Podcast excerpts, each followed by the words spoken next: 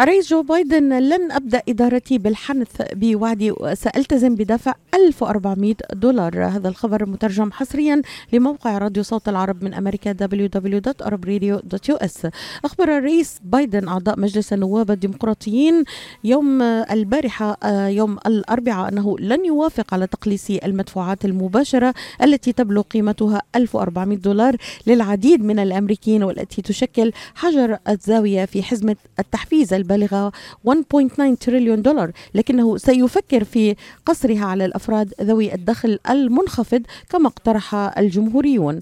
قال بايدن للمشرعين في مكالمة جماعية خاصة لا يمكننا الابتعاد عن 1400 دولار إضافية في شكل شيكات مباشرة لأن الناس بحاجة إليها. لن أبدأ إدارتي بالحنث بوعدي للأمريكيين لكنه أضاف يمكن استهداف شريحة أقل بشكل أفضل. أنا موافق على ذلك. جاءت تعليقات بايدن في الوقت الذي يسعى فيه الديمقراطيون إلى تمرير الميزانية في الكونغرس بأغلبية بسيطة إذا لزم الأمر دون دعم الجمهوريين. وبموجب خطة بايدن فإن قيمة المدفوعات الكاملة وهي 1400 دولار ستقتصر على الأفراد الذين لا يزال دخلهم السنوي عن 75 ألف دولار في حين سيحصل أصحاب الدخل الأعلى على شيكات بقيمة أقل. الجمهوريون أشاروا إلى أنهم لن يدعموا الإجراء ما لم يخفض بايدن قيمة شيكات التحفيز وأوضح الرئيس أنه منفتح للتوصل إلى حل وسط بشأن هذه المسألة بعد يومين من اجتماعه في البيت الأبيض مع عشرة أعضاء جمهوريين في مجلس الشيوخ. للتعليق على هذا الخبر واستكمالا لي موضوعنا الاقتصادي الذي بدأناه آه الأسبوع الماضي. بايدن وإرث ترامب الاقتصادي هل ينجح السياسي فيما فشل فيه رجل الأعمال؟ ينضم إلينا الآن الدكتور البروفيسور محمد ربيع الخبير والمحلل الاقتصادي. آه بداية صباح النور لك بروفيسور ربيع. مرحبا بك مرة أخرى في إطلالة متميزة على مستمعينا في راديو صوت العرب من أمريكا. شكرا أنا سعيد أن أكون معكم أي وقت. أهلا بك يا دكتور. يعني كيف تعلق بداية على هذا الخبر آه الذي استمعت إليه الآن وهذا التجاذب بين الجمهوريين والديمقراطيين وموقف بايدن من الحزم التحفيزية؟ أنا أعتقد الموقف آه الديمقراطي كان سياسي أكثر منه اقتصادي. وهم عايزين يقولوا إنه بايدن يدعو إلى الوحدة ويدعو إلى التعاون والآن هو يرفض. هم يعني أجبروه إنه يرفض لأنه أنت ما بتنزلي يعني اقتراح إلى أقل من الثلث اللي هو طالبه. هو طالب واحد من عشرة تريليون دولار هم قالوا 600 مليون فاقل من الثلث فبالتالي هذا مش يعني حل وسط هذا عملية لإفشال هذه العملية أو التعاون بين الحزبين. وبالتالي مش ممكن إنه بايدن يقبل فيها ويتراجع كل هذا التراجع يعني لو مثلا كان التراجع بمقدار 10 20% كان ممكن. وبعدين أعتقد إنه أحد الأهم البرامج اللي بيركز عليها الآن بايدن هو تقليل نسبة الأطفال اللي بيناموا بدون عشاء اللي يعيشون فقراء ما عندهم أكل. الان النسبة يعني العدد دعني دعني دعني أتوقف هنا دكتور آه نقطة هامة جدا. يعني يعني هناك الكثير لا يصدق أن هناك أطفال أو هناك فقر في أمريكا. كيف ترد على هذه النقطة تحديدا دكتور؟ يعني ما ما حدا برد عليه فيش منطق برد عليه إلا الواقع. والواقع معروف إنه مثلا في مدارس حتى في واشنطن دي سي اللي هي العاصمة اللي معظم دول العالم مش معظم دول العالم تقريبا كل دول العالم ما عدا أمريكا. أكثر بلد بيهتموا فيها هي العاصمة. الكونغرس ما بيهتم في هذه العاصمة. ولا زال هو اللي بيدير هذه البلد. مش رئيسة البلدية هي اللي بتديرها. يعني لأنه بيقدر هو يوقف أي شيء بيقدر يوقف هو هو بيشرف على الميزانية حتى الكونغرس. فبالتالي في عندك أطفال مش في أطفال يعني معظم المدارس في دي سي اللي هي واشنطن بيفتحوا في الصيف عشان الأطفال يروحوا يتغدوا فقط. حتى هذا في الإجازة ليش؟ لأن فيش عندهم أكل في بيوتهم. ما بيقدرش واحد يقول لي إنه لا هذول عندهم أكل بس بيروحوا يعني يلعبوا إيه؟ يعني ياكلوا شيء زيادة. وبعدين كل هذه المحلات اللي بتوزع الشركات والجمعيات اللي بتوزع أكل على الناس واللي زاد الطلب عليها حوالي ثلاث أربع مرات خلال الكورونا. هذول ما لهم وجود يعني بس بيلعبوا كمان هم. يعني في في الفقر موجود واللي بيتكلم هيك ما عمره زار منطقة فقيرة. أنا زرت مناطق فقيرة مش الآن قبل سنين الحقيقة حتى ما ما يعني أكون صادق مع نفسي. وشفت محلات والله كان في محل دخلته فيه هيوستن اللي هي تعتبر أحدث مدينة كبيرة في أمريكا. شفت محلات كانوا زي المخيمات اللي أنا تربيت فيها لما كنا لاجئين واخذوا الإسرائيليين الأرض تبعتنا. دكتور آه يعني كيف بداية تقيم هذا القرار؟ يعني آه بالنسبة لإدارة بايدن هل تعتقد آه أن 1400 دولار آه لذوي الدخل المنخفض الآن هو في نوعا ما يعني يحاول الوصول إلى سيتلمنت مع الجمهوريين بأن يجعل هذا هذا المبلغ للشريحة المستحقة. كيف ترى يعني هذا هذا الموضوع؟ ان أن يكون 1400 للشريحة المستحقة أقل منه للشرائح الأخرى يعني اللي يكون دخلها أعلى. هل تعتقد إنه سيتلمنت يعني معقولة للوصول إلى إلى توافق؟ أعتقد إنه هو حتى الآن القرار إنه اعطاء أي عائلة يعني اثنين إذا بكون دخلهم مع بعض أقل من مئة ألف يعطوهم كل واحد 1400 واللي لحاله اللي هو أقل من خمسين ألف بعطي له 1400 بس اللي أكثر من مئة ألف أعتقد إنه ما بعطيهم فلوس. يعني هذا هي اللي أنا قرأته حتى الآن. يعني ما بعتقد إنه صار في تغيير عليه. إلا إذا كان في تغيير لأنه ممكن يعني تعديل لإرضاء طرف أو آخر. لكن اللي بيهمني الحقيقة أكثر شيء اللي هم طالبوا فيه الجمهوريين إنه يلغي كلية هي الفلوس اللي مخصصها لخفض نسبة الفقر بالنسبة للأطفال في أمريكا إلى النصف وهذا حتى غير عادل. لابد إنه من علاج كامل لعملية الفقر إنه ما يكون أطفال. يعني في أولاد زي التقارير يعني بتحكي إنه في أولاد بيروحوا كيندر جاردن بكلفوا سبعين ألف دولار في السنة. فالولد الصغير أو البنت الصغيرة اللي بتدفع أهلها عليها سبعين ألف دولار في السنة عشان يروح على مدرسة خاصة يعني ويدفع عليها تتربى. هذه ما ممكن تتعلم زي الولد اللي بيروح في الصيف عشان ياكل لأنه ما عنده أكل في البيت ما عنده إنترنت في البيت ما عنده كمبيوتر في البيت. في نسبة كبيرة هذه شركات المواصلة الاتصالات في أمريكا ما حاطة إنترنت في كل المناطق. خاصة الريفية في أمريكا. فبالتالي في ناس ما عندهم إنترنت. وإذا ما عنده إنترنت كيف بتعلم الآن؟ غير الأكل اللي ما فيش عنده أكل ياكله. نعم دكتور يعني فقط بالإشارة إلى ما قلته حضرتك صحيح تماما في مقال مترجم لموقعنا الإلكتروني من نيويورك تايمز الجمهوريون أشاروا إلى أنهم لن يدعموا الإجراءات ما لم يخفض بايدن قيمة شيكات التحفيز. كما أشرت وأوضح الرئيس أنه منفتح للتوصل إلى حل وسط بشأن هذه المسألة.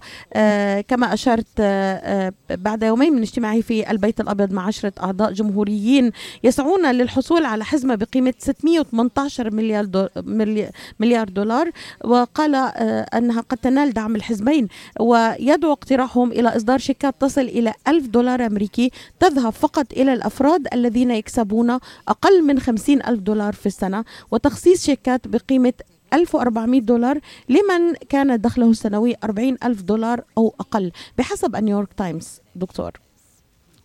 okay. يعني ال ال نرجع نقول إنه العرض أقل من ثلث ما هو طالب. وهذا مش compromise مش هذا حل وسط يعني هذا غير مقبول. يعني هذا ليس بداية لإيجاد حل. يعني لو كانوا مثلا في النص وبعدين يتجادلوا على النص الثاني نقول أوكي في ناس بيتكلموا بشكل عقلاني. أما بشكل واقعي بشكل عايز يوصل لحل وسط لكن تبتدي بالثلث ما ما أنا بعتقد إنه هذا غير مقبول بالنسبة لبايدن وما بيستطيع إنه يبتدي الإدارة تبعته بإنه يتراجع عما وعد الناس إنه راح يعمل إذا بعيدا عن السياسة دكتور يعني الحلول الاقت... نبقى في الحلول الاقتصادية هل ترى أن أن الحل المنطقي أن تق... أن تكون هناك. تقر الموازنة في المنتصف على الأقل بين بايدن وبين الجمهوريين؟ أنا لا أنا بعتقد إنه ضروري إنه أنا لو مكان الرئيس بايدن أنا الحقيقة بصر على يا أما بيكون شيء في حدود مثلا 10 15 20% اللي ممكن يصير عليه حل وسط أو إنه يمشي في المشروع تبعه. وأنا بعتقد على الأغلب راح يمشي في المشروع تبعه بسبب إنه العرض تبع الجمهوريين مش ما بنوي إنه يوصل لحل آه، وسط. وبالتالي إنه يتراجع في سبيل التراجع وهو ما راح ياخذ أصوات الجمهوريين بيكون هذا انهزام بدون سبب.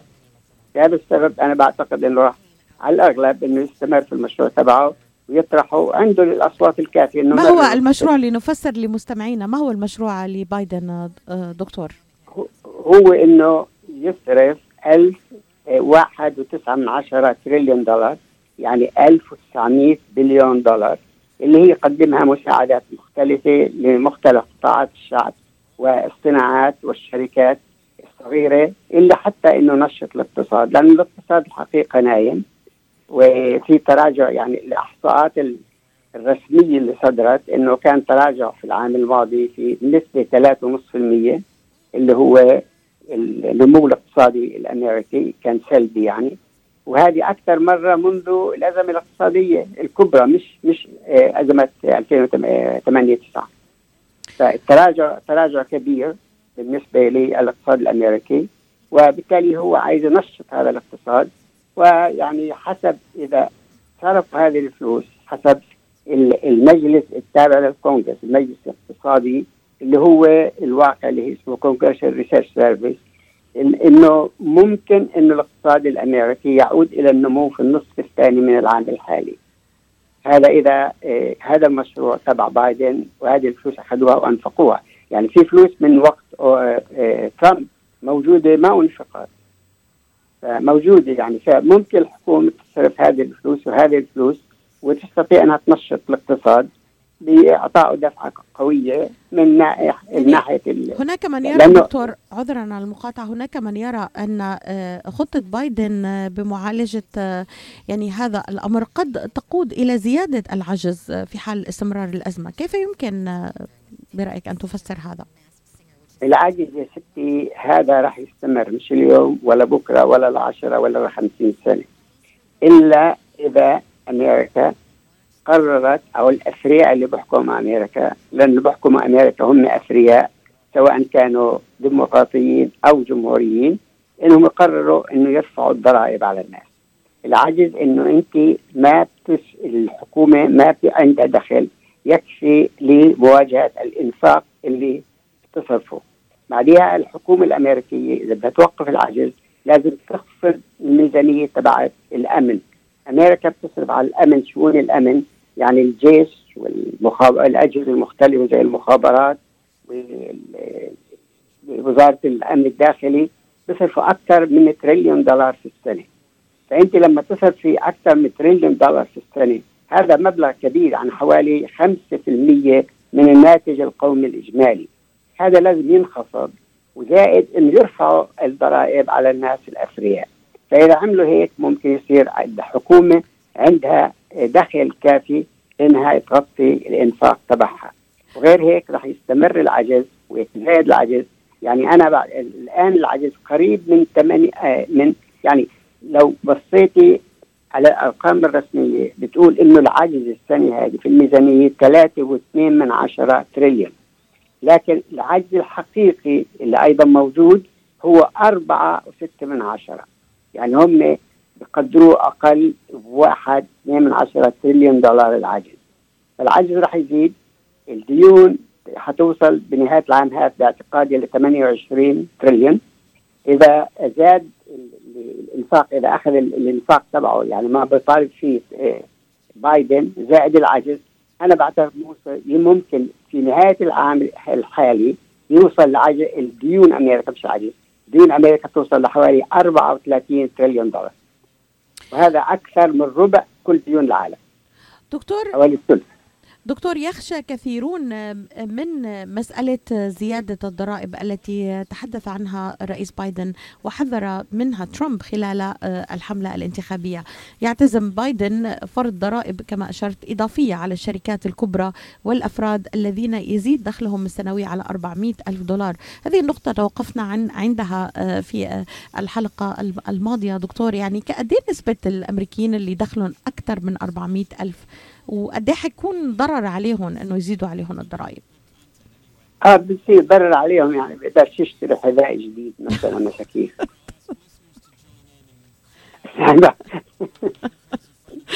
نعم دكتور. يعني يعني ترى أن حجم الضرر ليس كبيرا بمقياس الفائدة الفائدة التي ستعود على قد إيه نسبة. فعلا دكتور يعني سؤال أنا تساءلته في الحلقة هل نعرف حقيقه قد إيه نسبة الأمريكيين اللي دخلهم أكثر من 400 ألف دولار؟ يعني أنا الحقيقة ما ما بعرف يعني بديش أقدر. بس هو اللي في أمريكا الآن اللي الواحد في المية أسرع واحد في المية في أمريكا. آه، عندهم أكثر من 20% من كل الدخل تبع أمريكا. والثروة عندهم حوالي 50% من ثروة البلاد. فإذا أنت بتسمحي إنه واحد في المية يكون عندهم نصف الثروة يعني الواحد في المية اللي عندهم نصف الثروة النصف الامريكي اللي هم الشريحه الدنيا. ما عندها ولا شيء يعني نحن نحاول دكتور أن نشرح لمستمعينا في أمريكا وأيضا في آه، من يتابعنا حول العالم. نبسط الموضوع الناس والاقتصاد لهم بطريقة. يعني آه، هل هل هل آه، دفع الضرائب عادل أن يكون اللي دخله مثلا لطالما تساءل البعض دكتور إنه اللي دخله مئة ألف بيدفع اللي مثل اللي دخله 400 ألف بيدفع مثل اللي دخله مثلا. يعني هل هذا هذا عادل بالنسبة للمجتمع؟ يا ستي حتى بدفع أقل. يعني إذا بتتذكري اللي هو اللي بملك وول مارت قال أنا نسبة اللي بدفعها على الدخل تبعي أقل من نسبة السكرتيرة تبعتي. ليش؟ لأنه الثري عند محدد معين مثلا لما تحت ال social security اللي بيعمل أكثر يعني أكثر من 135 ألف في السنة. الزيادة في الدخل بدفعش عليها social security اللي أقل بدفع كل فلوسه. فبالتالي نسبة اللي بدفعه هذا الثري اللي بيعمل فوق ال 135 ألف يعني قولي 200 ألف أو 300 أو 400 بدفع نسبة أقل بكثير متناقصة من اللي بيعمل 100 ألف. ومن اللي بيعمل 70 ألف أقل. فلهذا هذا هذا غير عادل هذا هذه ولكن هناك هو بيعمل ولكن هناك نقطة دكتور, دكتور يعني آه، يقال إنه إنه آه، هذه الأموال آه، تعود بالفائدة على العمالة وعلى تشغيل المزيد من العمال يعني. فهذه تصب في مصلحة الاقتصاد الأمريكي. هل تشرح لنا يعني هل هذا واقعي وصحيح؟ لا مش صحيح. شوفي الاقتصاد عشان ينمو بده استهلاك. لما الناس ما عندها فلوس معناته بقل الاستهلاك أو الطلب على البضائع المختلفة. ولما بقل هذا الطلب معناته الاقتصاد ما بنمو بمعدل نمو عالي أو معدل نمو خلينا نقول مقبول. لهذا السبب لما هذه الفلوس تتكدس لدى هذول الناس إذا ما بتنزل فلوس للناس اللي عايزة تشتري اللي بده يشتري فعلا حذاء لابنه ولا قميص ولا شنطة يروح فيها على المدرسة الناس الفقراء الطبقه المتوسطة هذول لما بيجي عنده تزيد الفلوس تبعتهم بروح بيشتروا كل ما يحتاجوه هذاك ما بيشتري.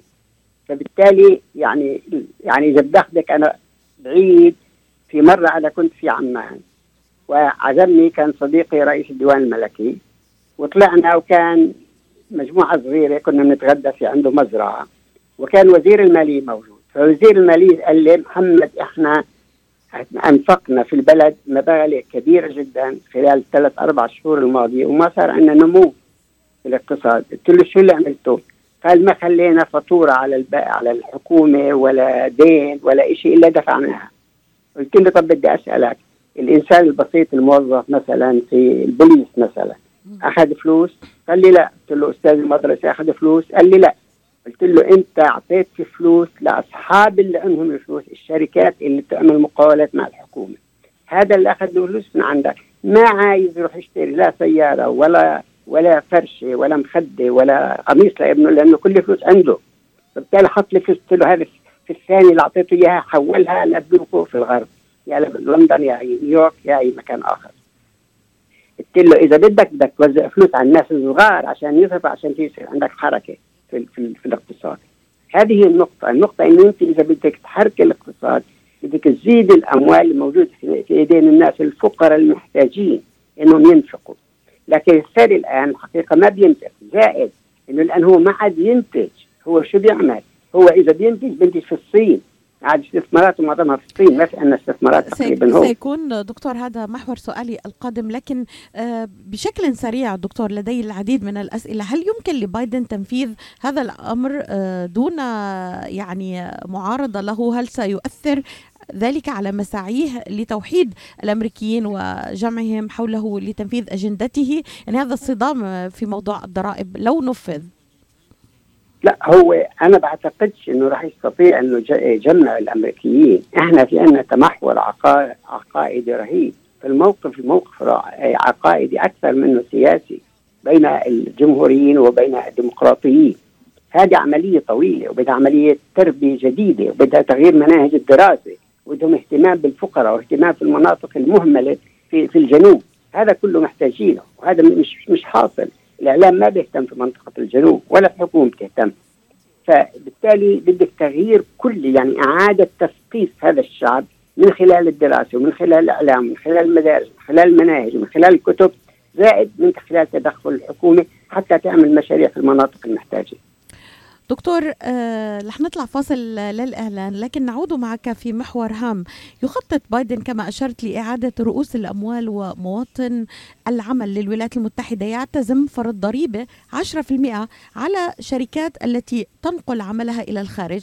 آه فيما سيستفيد المشاريع التي تقوي الإنتاج المحلي من إعفاء ضريبي بنسبة 10% هذا الوعد كان قد وعده آه، ترامب ولم ينجح في تحقيقه. إلى أي مدى سينجح فيه بايدن خاصة وأن الشركات العابرة للقارات تفضل الاستفادة أكثر من الأسواق الجديدة. كما أشرت الصين أو البرازيل أو المكسيك ومعظم إنتاجها في بلدان أخرى موجهة للأسواق التي توجد فيها مصانعها. بعد الفصل نكون معك في آه هذا آه السؤال الهام آه والذي أشرت له قبل قليل. بعد الفصل.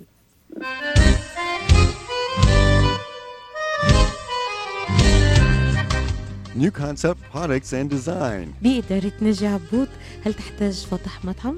هل تحتاج فتح محل المواد الغذائية؟ هل تحتاج تصاميم وخرائط؟ اتصل بناجي عبود على الرقم 734-744-9796 هل تريد شراء معدات المطابخ والمطاعم وبأسعار مخفضة وتسهيلات بالدافع؟ اتصل بناجي عبود الآن على الرقم 734 744 9796 خصم 5% عند الشراء ب 75 ألف أو أكثر على كافة المواد. لمزيد من المعلومات زوروا موقعهم الإلكتروني على www.newconceptproducts.com أو زوروهم في موقعهم الجديد. 31185 Schoolcraft in Livonia. ناجي عبود العلامة المميزة في عالم المطابخ. أنا جو برزة. شيف مطبخ لبناني من أكثر من 30 سنة. بأغلبية سفراتنا ببلدان العالم بنواجه مشاكل اللية. اللية كتير مهمة بالمطبخ اللبناني وبالمطبخ العربي. زياد طلعوا ب solution عملوا اللية powder zero fat وحلال. طعمتها كتير طيبة.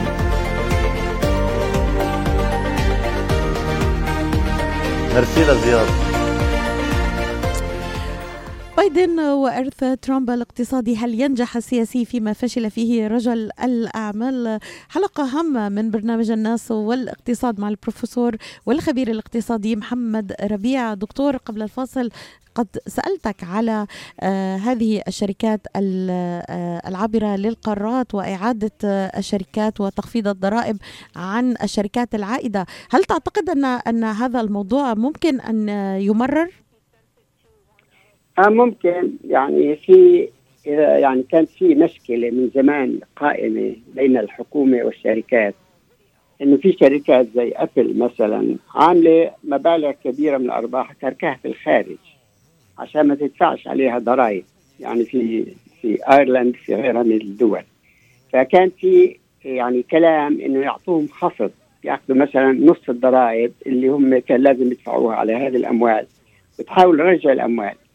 لكن أنا بعتقد هي المشكلة مش هنا فقط.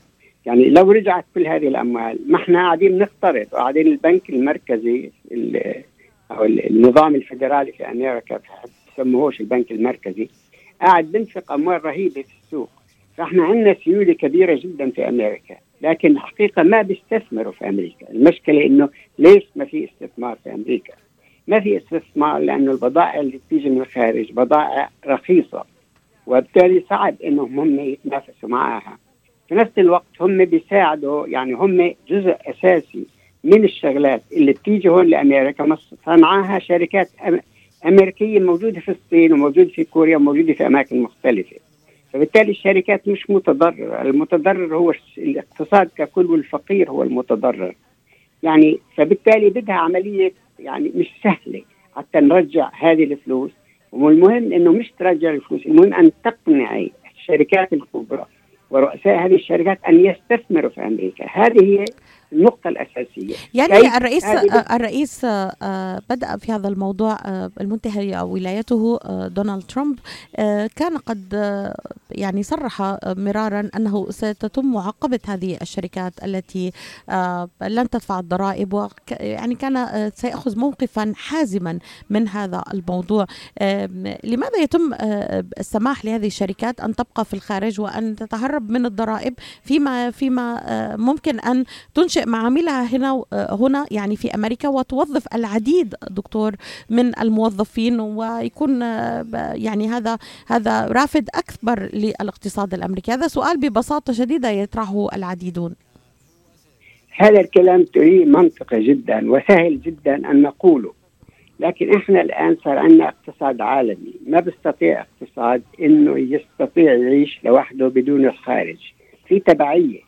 تبعية متبادلة أحيانا لأنه صعب تلاقي يعني شغلات الكبيرة التي تصنع خلي مثلا الطائرات أو السيارات أو أي شيء هذه تصنع قطع في مرات 20 دولة مش في دولة واحدة. وبتيجي القطع من أماكن مختلفة كلها بتتجمع في محل واحد وبتخرج منها السيارة أو بتخرج منها الطيارة أو بخرج منها ال truck أو غيرها من الأمور يعني وحتى ال computers. فمثلا الشيبس تبعت ال computers معظمها تصنع في أمريكا. لكن في الشغلات المختلفة تصنع في أماكن مختلفة بالنسبة للكمبيوتر. فصار هذا عملية الاعتماد المتبادل بعد ما فتحنا الاقتصاد صار عندنا عولمة. صعب إنه نرجع زي ما طلعت الجيني من الزجاجة بتقدريش ترجعيها في الزجاجة. لكن كيف ممكن إن الحكومة تصبح شريك بشكل غير مباشر في عملية تنمية الاقتصاد في البلد؟ هذا الحقيقة يعني أنا كتبت في كتاب اللي سميته Saving Capitalism and Democracy طلع سنة 13 قلت كيف ننقذ الرأسمالية؟ يعني بالترجم بالعربي إنقاذ الرأسمالية والديمقراطية. لأنه لما أنا تكلمت عن ديمقراطيه قليل للناس أنت يعني شو تقول تنقذها؟ هي ما لها ديمقراطية. الآن ثبت شو صار في الديمقراطية في أمريكا. هذه الديمقراطية بشكل الحالي خرجت من التاريخ. إحنا بحاجة لإعادة هيكلة اقتصادية وهيكلة سياسية في أمريكا. كل التغيير ممكن لكن بدك إرادة وبدك وعي بدك رؤية. دكتور قد إيه نسبة وجود مصانع في أمريكا والتصنيع في أمريكا؟ ما في شيء إحصاء هيك لأنه في مصانع مختلفة بتعمل شغلات مختلفة. بس أنا بقدر أقول لك إنه نسبة العمال اللي بتشتغل في قطاع الصناعة يعني هدول اللي هم بيصنعوا في داخل أمريكا أعتقد الآن هي حوالي 12% هذه النسبة لو أنت شلتي كل الناس اللي بيعملوا أعمال غير صناعية في داخل الشركات يعني مثلا اللي مسؤول عن الموظفين اللي مسؤول عن المحاسبة اللي مسؤول عن المبيعات في الخارج تطلع نسبة اللي بيشتغلوا حقيقة كعمال صناعيين حوالي 5% فقط. نسبة قليلة يعني قياسا ل قليلة طبعا. نعم. يعني يعني هذه وصلت حوالي اولموست في الحرب العالمية الثانية وصلت حوالي 50% ليش؟ لأنه كانوا بيشتغلوا كله عشان الحرب. كان كل إنتاج داخلي ما حدا بيعتمد على الخارج. الطائرات والدبابات والصواريخ وكل اللي كانوا بيصنعوه في هذا الوقت. بعدين كله تراجع مرة واحدة. تراجع ليش تراجع؟ لأنه بدوا يعودوا للصناعات العادية. فالنسبة هذه بعدين بحب أقول لك إنه نسبه يعني ما راح ترجع عملية التصنيع كما كانت. يعني نسبة اللي بيعملوا في الصناعة تتراجع. في كل البلاد في العالم بما فيها الصين بما فيها كوريا وحتى الهند اللي ما صارت صناعية. نسبة عمال الصناعة تتراجع فيها وإيطاليا وألمانيا وبريطانيا وأمريكا كله. السبب هو الروبوتس. إنه في عندك التصنيع نعم. الآلي. وهذا التصنيع الآلي كل يوم بيتحسن أكثر. أنا حفيدي عمره 14 سنة في عندهم مشروع مدرسته اللي هو فيها الآن مشروع عالمي. مين وراها ما بعرف. طلبوا كل مدرسة يعني عاملين 20 مدرسة وكل فريق في 20 ولد وبنت بيشتغلوا فيه. على أساس قالوا لهم في روبوت بدهم يعملوا كل واحد بيشتغل على مشروع شغلة صغيرة شو لازم يعمل روبوت؟ في شغلة معينة. فهذه المسابقة في العالم. أنت تخيلي بدهم يعملوا روبوت واحد يعمل مثلا 200 شغلة عملية في آن واحد. وهدول الأطفال الصغار اللي عمرهم 13 14 سنة اللي بيشتغلوا عليها في العالم قاعدين بيشتغلوا عليه فلما يطلع هذا الروبوت وأنا بعتقد راح يطلع, يطلع. لأنه هذول الاولاد اللي أنا بشوفه منهم هذول الأطفال في غريب اللي بيطلع منهم اللي بيعملوه فلما يطلع هذا الروبوت شو راح يعمل؟ وين راح يحطه؟ يعني ما ما حدا بيحكي وراه ما حدا بيعرف مين ورا المشروع بس هذا المشروع اللي حكى لي عنه هو حفيدي اسمه ليث فأنا دائما بتابعه وبشوف شو اللي بيعملوه فهذا المشروع اللي هو قاعد يشتغل عليه الآن. مع مجموعة 20 ولد وبنت من من أولاد صفه يعني. هذا موضوع مهم جدا دكتور يعني موضوع الاتجاه آه. إلى الريبورت وأيضا إلى إلى الاستغناء عن العمالة البشرية بعمالة صناعية. كما أشرت يعني هذا موضوع قادم وسيكون تأثيره أيضا ثقيلا جدا على الموارد البشرية يعني بالنسبة للقطاع العمالة. هذا موضوع أيضا نناقشه معك دكتور لا يزال الحوار بقية. أشكرك جزيل الشكر على يعني تزال حول هذا الموضوع بايدن وإرث ترامب الاقتصادي. هل ينجح السياسي فيما فشل فيه رجل الأعمال؟ ألتقيك إن شاء الله في يوم الخميس القادم لنستكمل معك هذا الحوار الشيق من نسو الاقتصاد مع البروفيسور والخبير الاقتصادي محمد ربيع. شكرا لك على هذه الإضاءة. كنت معنا مباشرة من واشنطن.